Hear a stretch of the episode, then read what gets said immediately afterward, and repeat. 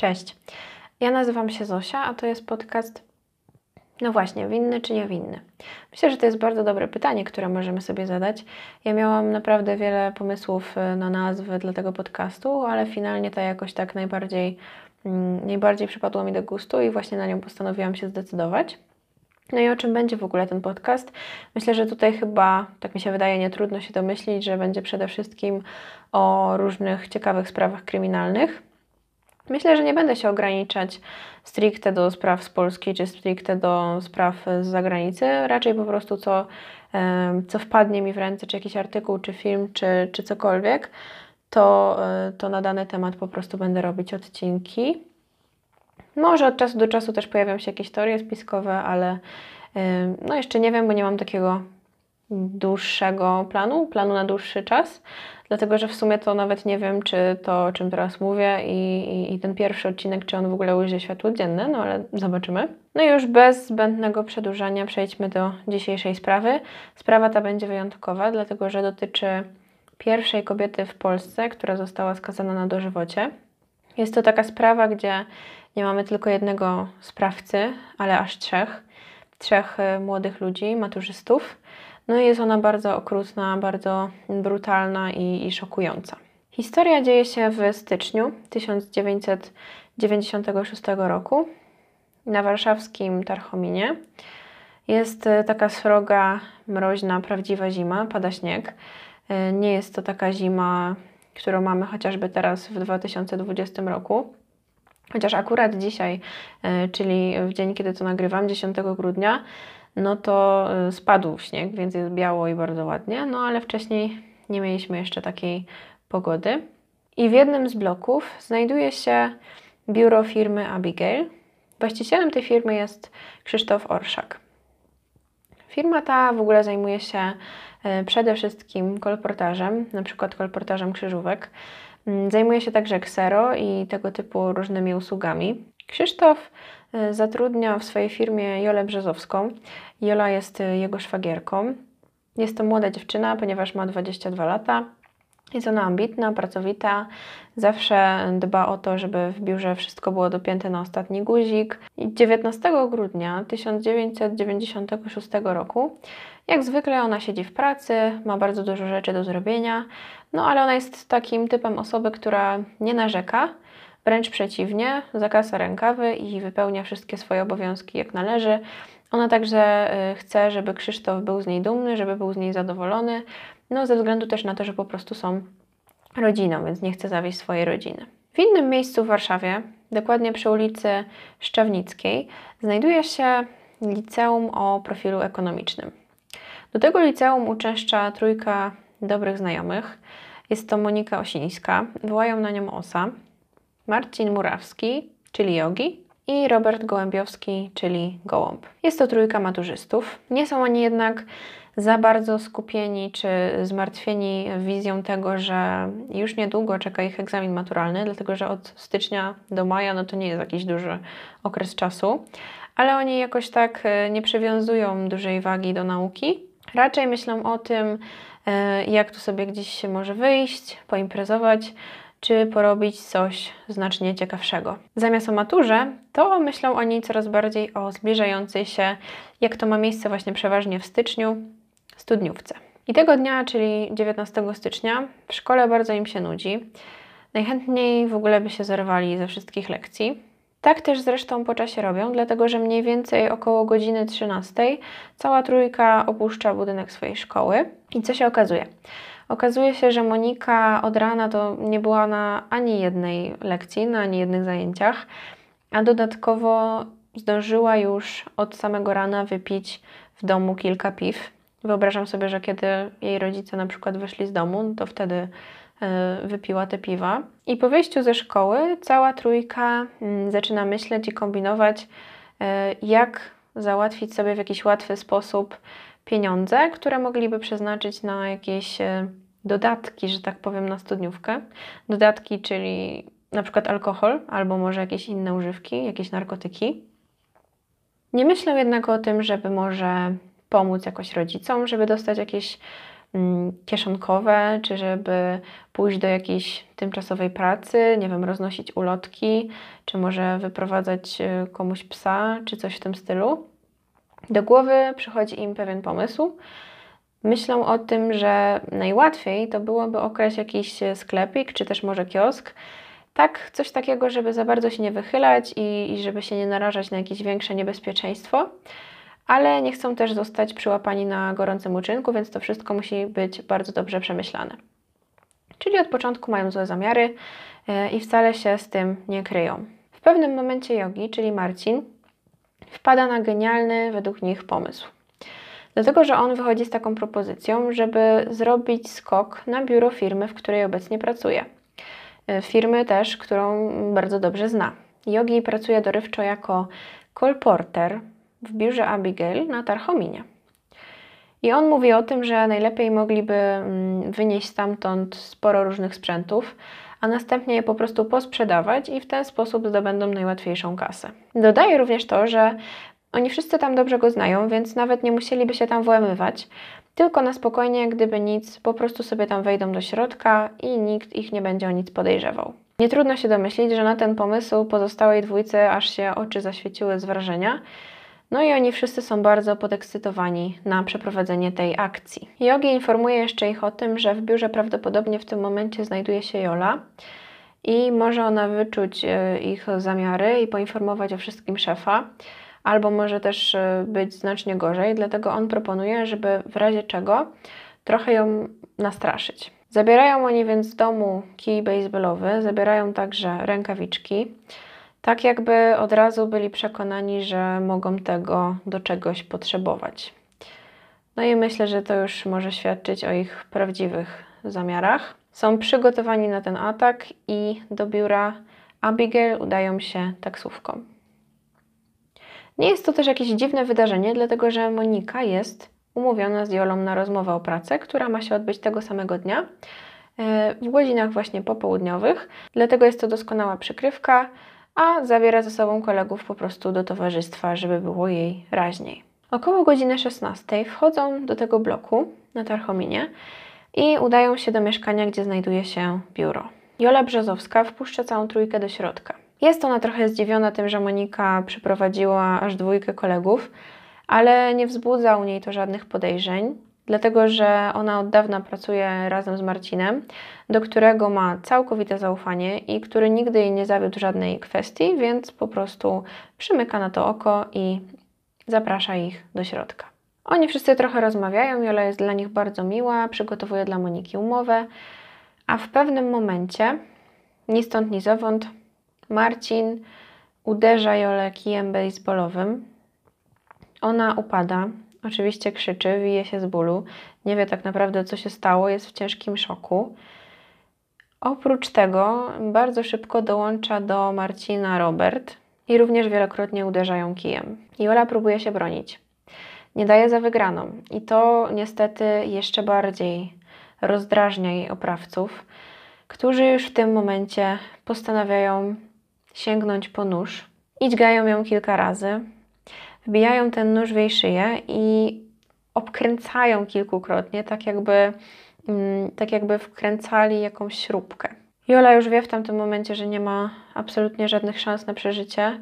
Jest w tragicznym stanie e, i po pewnym czasie w tych e, okropnych, e, obrzydliwych okolicznościach po prostu umiera.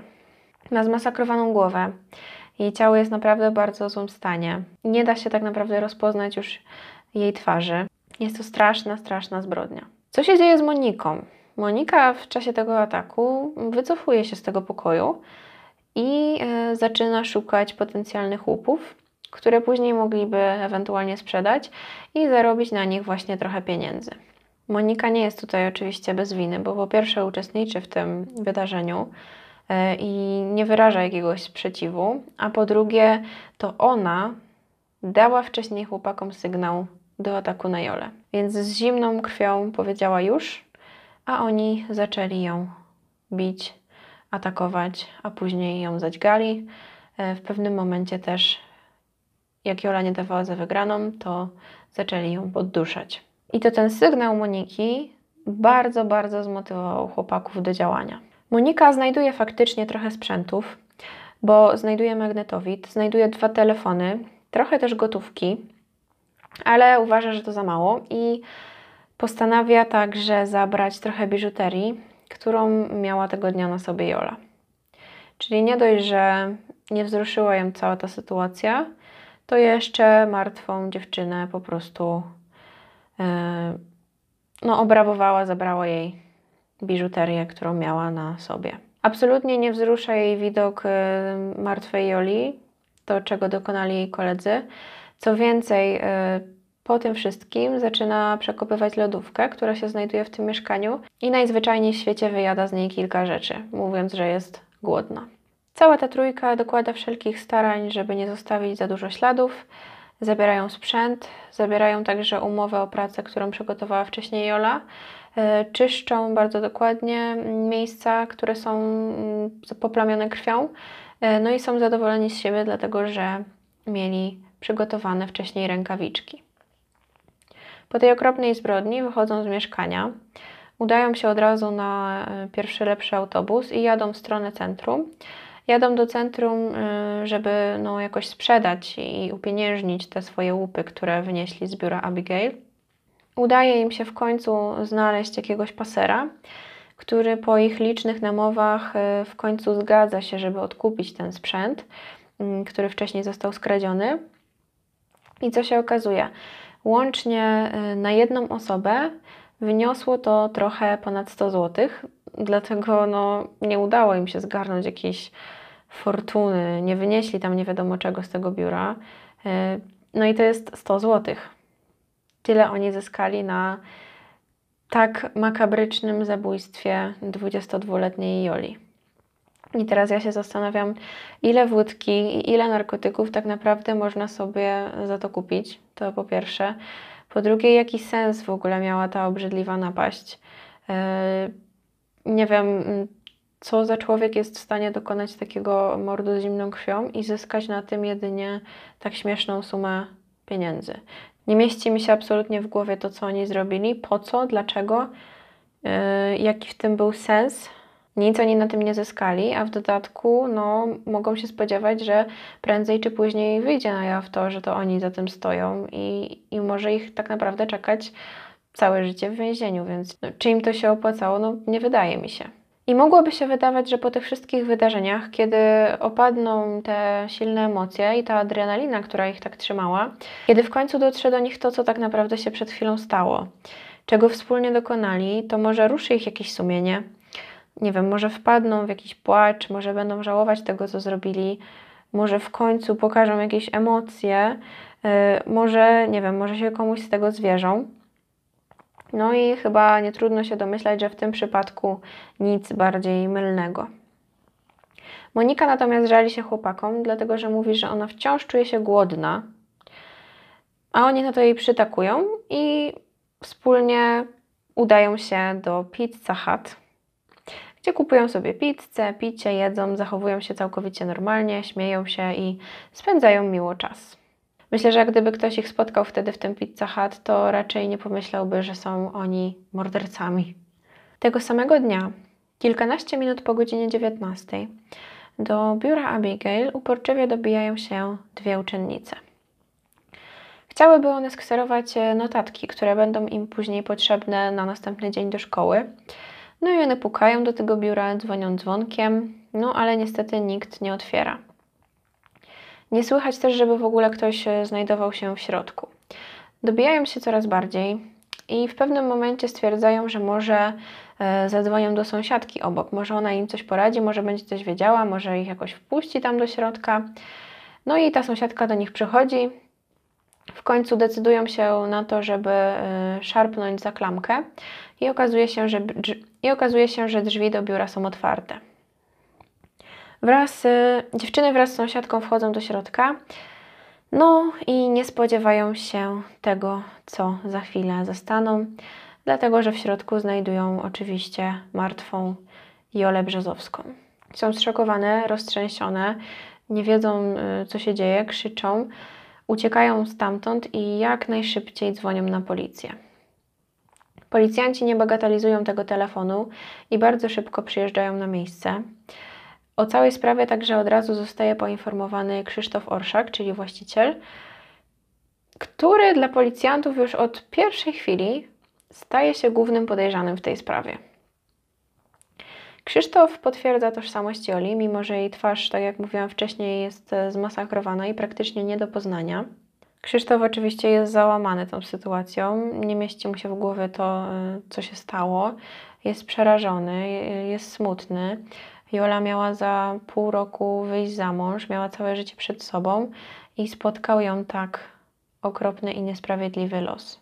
Śledczy natomiast po pewnym czasie, na podstawie informacji, które zbierają e, z miejsca zbrodni, uważają, że to właśnie Krzysztof jest jedyną osobą, e, która jako ostatnia widziała Jolę tego feralnego dnia, czyli 19 stycznia. Okazuje się bowiem, że tego dnia wyszedł z biura kilkanaście, może jakieś kilkadziesiąt minut maksymalnie przed godziną 16, czyli my już wiemy, że praktycznie prawie że minął się z trójką prawdziwych sprawców. I nikt nawet przez chwilę nie zadaje sobie pytania, czy to naprawdę Krzysztof zabił Jolę, e, czy może są jacyś inni podejrzani w tej sprawie. Od razu po prostu e, postawili na nim krzyżyk i stwierdzili, że to musi być on, no bo, no bo co? No bo nikogo innego nie podejrzewali. Przesłuchani zostają także sąsiedzi, Okazuje się, że nikt y, nie słyszał żadnych krzyków, żadnych oznak walki, nikt nie miał pojęcia, że coś strasznego mogło się wydarzyć w tym biurze. Jeżeli natomiast ktoś coś słyszał albo widział, albo wiedział, no to zdecydował się o tym policji nie wspominać. I teraz ciężko jest mi wyobrazić sobie taką sytuację, że nikt w bloku nie słyszał, co tam się dzieje. No bo sama mieszkam w bloku i ja nie wiem, czy to jest kwestia budynku, pewnie tak, ale słychać tutaj każde głośniej i słychać tutaj każde głośniejsze tupnięcie nogą. Jak ktoś upuści szklankę, to huk roznosi się na całą klatkę. Yy, słychać, jak ktoś chodzi po korytarzu, jak ktoś głośniej rozmawia yy, przez telefon, to się niesie echo z korytarza, więc absolutnie nie mogę sobie wyobrazić tego, jak nikt nie słyszał tak potwornego morderstwa nawet ci najbliżsi sąsiedzi. Dla mnie to jest nie do pojęcia. Przerażająca sprawa. Być może ludzie pomyśleli, że jest to jakaś większa, grubsza kłótnia i mm, z tą naszą polską mentalnością ludzie pewnie stwierdzili, że nie będą się wtrącać w nie swoje sprawy, no i że nie są odpowiednimi osobami do tego, żeby się w to mieszać. Po czasie Krzysztof trafia do aresztu i jest naprawdę załamany całą tą sytuacją nie może uwierzyć w tą śmierć Joli, a jeszcze bardziej dobija go ten fakt, że jest jedynym głównym podejrzanym w tej sprawie. O sprawie zostaje też poinformowany oczywiście narzeczony Joli, który tragicznie przyjmuje to wszystko do wiadomości. I teraz dlaczego oni tak bardzo napierają na tego Krzysztofa? Dlatego, że kiedy on dotarł na to miejsce zdarzenia, to od razu po wejściu do tego biura informuje policjantów o tym, że zniknęły jakieś telefony komórkowe, że zniknął jakiś sprzęt. E, I nie chodziło o to, że mm, jemu nie zależy na śmierci Joli, tylko bardziej mu zależy na tym sprzęcie a właśnie, a właśnie policjanci to w ten sposób odebrali, tylko chciał zwrócić uwagę na to, że brakuje rzeczy w tym mieszkaniu, czyli prawdopodobnie ktoś mógł się do tego włamać, tak, że to mogło być zabójstwo na tle rabunkowym, ale policjanci nie wzięli tego pod uwagę, tylko stwierdzili, że jest on y, nieczuły, podły i zależy mu bardziej na jakichś telefonach komórkowych niż na własnej szwagierce. Po jakimś czasie jednak z powodu braku dowodów Krzysztof zostaje w końcu wypuszczony na wolność i sprawa ta pozostaje dalej nierozwiązana. Nie ma żadnego przełomu, nie ma innych podejrzanych, e, nikt nic nie wie i nic nie ma takiego, co mogłoby w jakikolwiek sposób e, zrobić jakiś progres w tym śledztwie. Krzysztof Orszak jest zawiedziony w tym momencie pracą policji i postanawia rozpocząć swoje własne prywatne śledztwo. W międzyczasie też zakłada mm, takie swoje stowarzyszenie przeciwko zbrodni imienia właśnie Jolanty Brzozowskiej.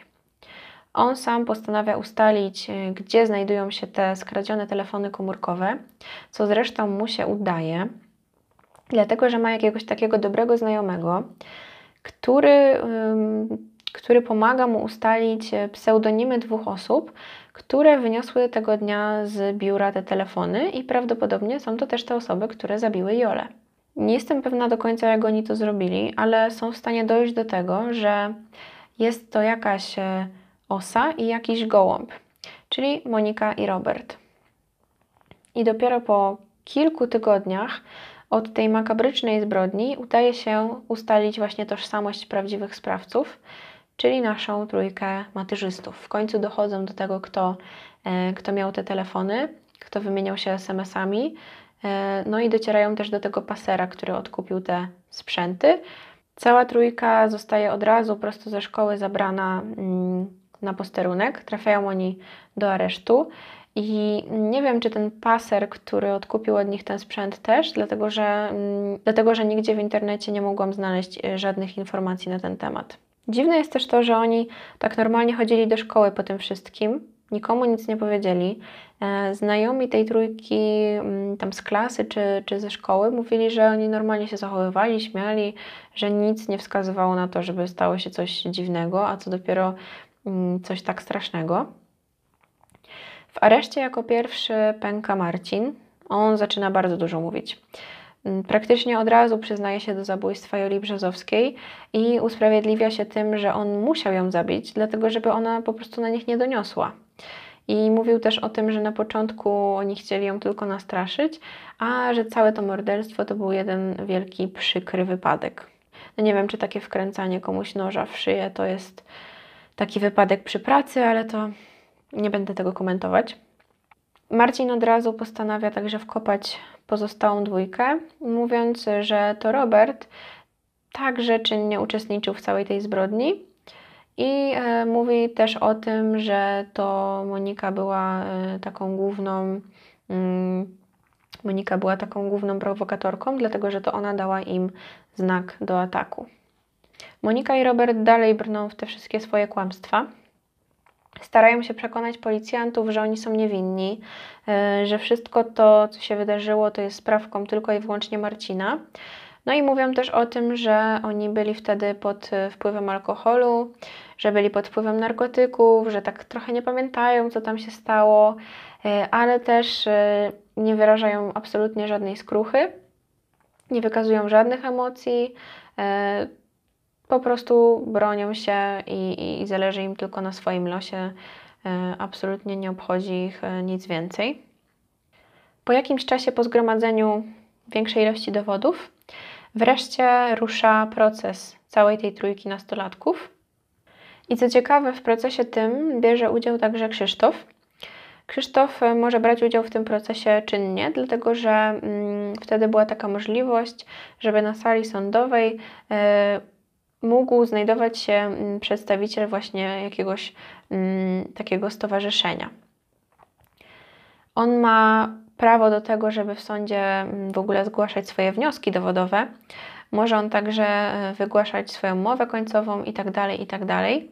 Przez to sprawa ta robi się bardzo głośna, bardzo medialna, jest e, naprawdę taka spektakularna. Wszyscy, wszyscy o niej wiedzą, komentują, zastanawiają się, jak to się wszystko skończy.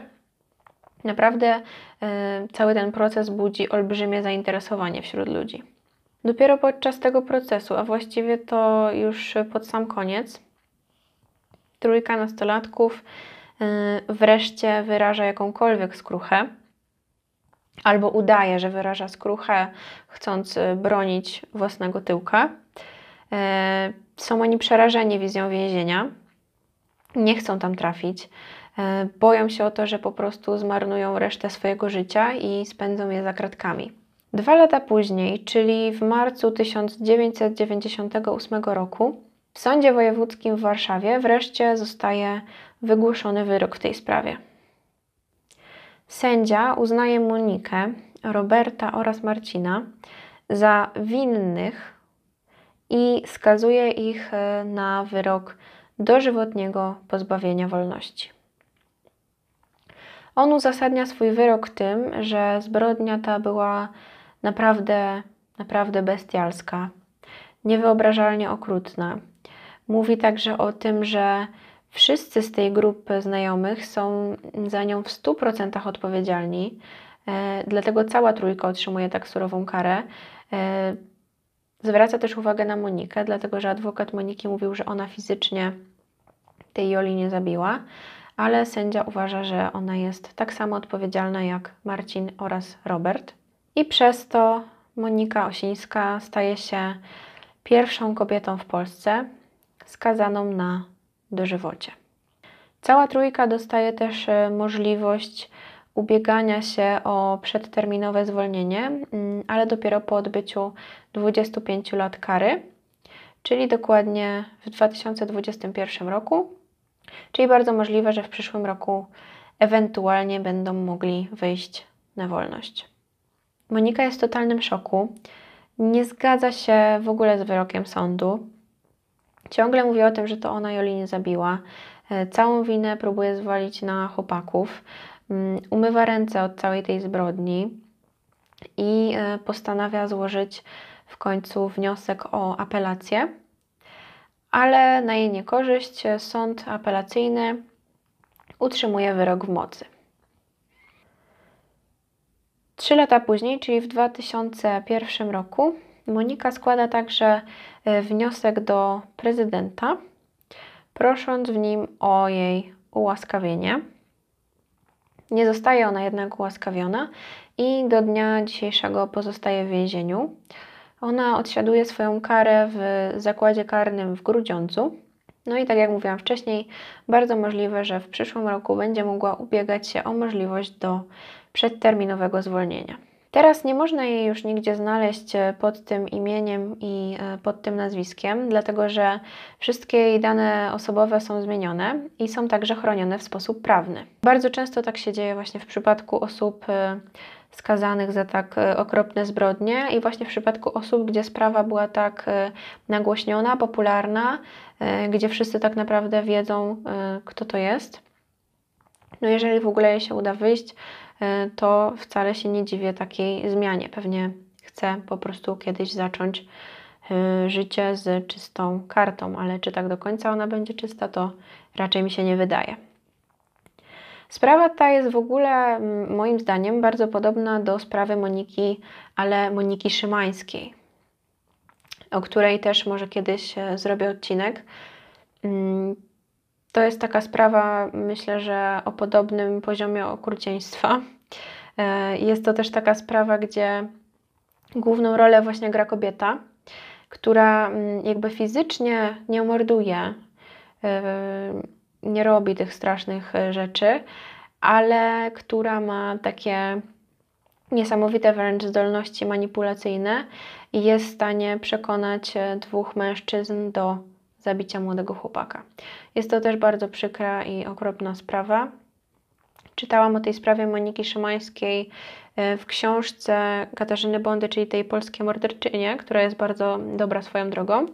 I to przez tą sprawę Moniki Szymańskiej w jakiś tam sposób, coś tam klikając i coś tam czytając, natrafiłam na tą sprawę e, Moniki Osińskiej. I to jakoś tak mm, ta sprawa mnie. Mm, stwierdziłam, że o tej sprawie e, zrobię pierwszy odcinek. No jest to historia straszna, naprawdę okrutna. E, ze względu na tą brutalność, e, ze względu na ten beznadziejny i absurdalny motyw, ze względu na tą totalną bezwzględność, ze względu na obojętność tych nastolatków, naprawdę, naprawdę niewyobrażalna tragedia. O sprawie tej często też robiło się głośno przez pewien czas ze względu na późniejsze kontrowersje różne związane z Krzysztofem Orszagiem i ze względu y, na jego działalność. Ale myślę, że y, nie będę tutaj poruszać już tego wątku, dlatego że on y, no jest ciekawy, ale nie ma absolutnie nic wspólnego z tą z tą zbrodnią, która wydarzyła się w 1996 roku. Ale, ale jakby kogoś ciekawiło, to materiał o nim kiedyś był w, chyba w uwadze. No i o nim samym można przeczytać wiele ciekawych artykułów o tej późniejszej jego działalności. E, no i są różne podzielone opinie na ten temat, no ale już się tutaj nie będę teraz to zagłębiać. No i jeżeli chodzi o ten pierwszy odcinek, jeżeli ktoś w ogóle tego słucha, albo jeszcze lepiej dotarł już do końca, no to e, w sumie to wszystko na dzisiaj. Ja jestem bardzo ciekawa, co Wy sądzicie na temat tej historii, na temat tej sprawy. E, jakie macie przemyślenia, opinie, co o tym wszystkim sądzicie? Mm, czy też uważacie, że cała trójka jest tak samo odpowiedzialna za tą zbrodnię? Czy jednak nie? Czy jednak Monika może powinna dostać mniejszą karę? No ja uważam, że ona była równie bezwzględna jak e, Marcin i jak Robert.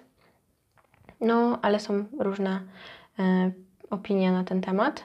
Żegnam się już i mam nadzieję, że usłyszymy się jeszcze w następnym odcinku. Cześć!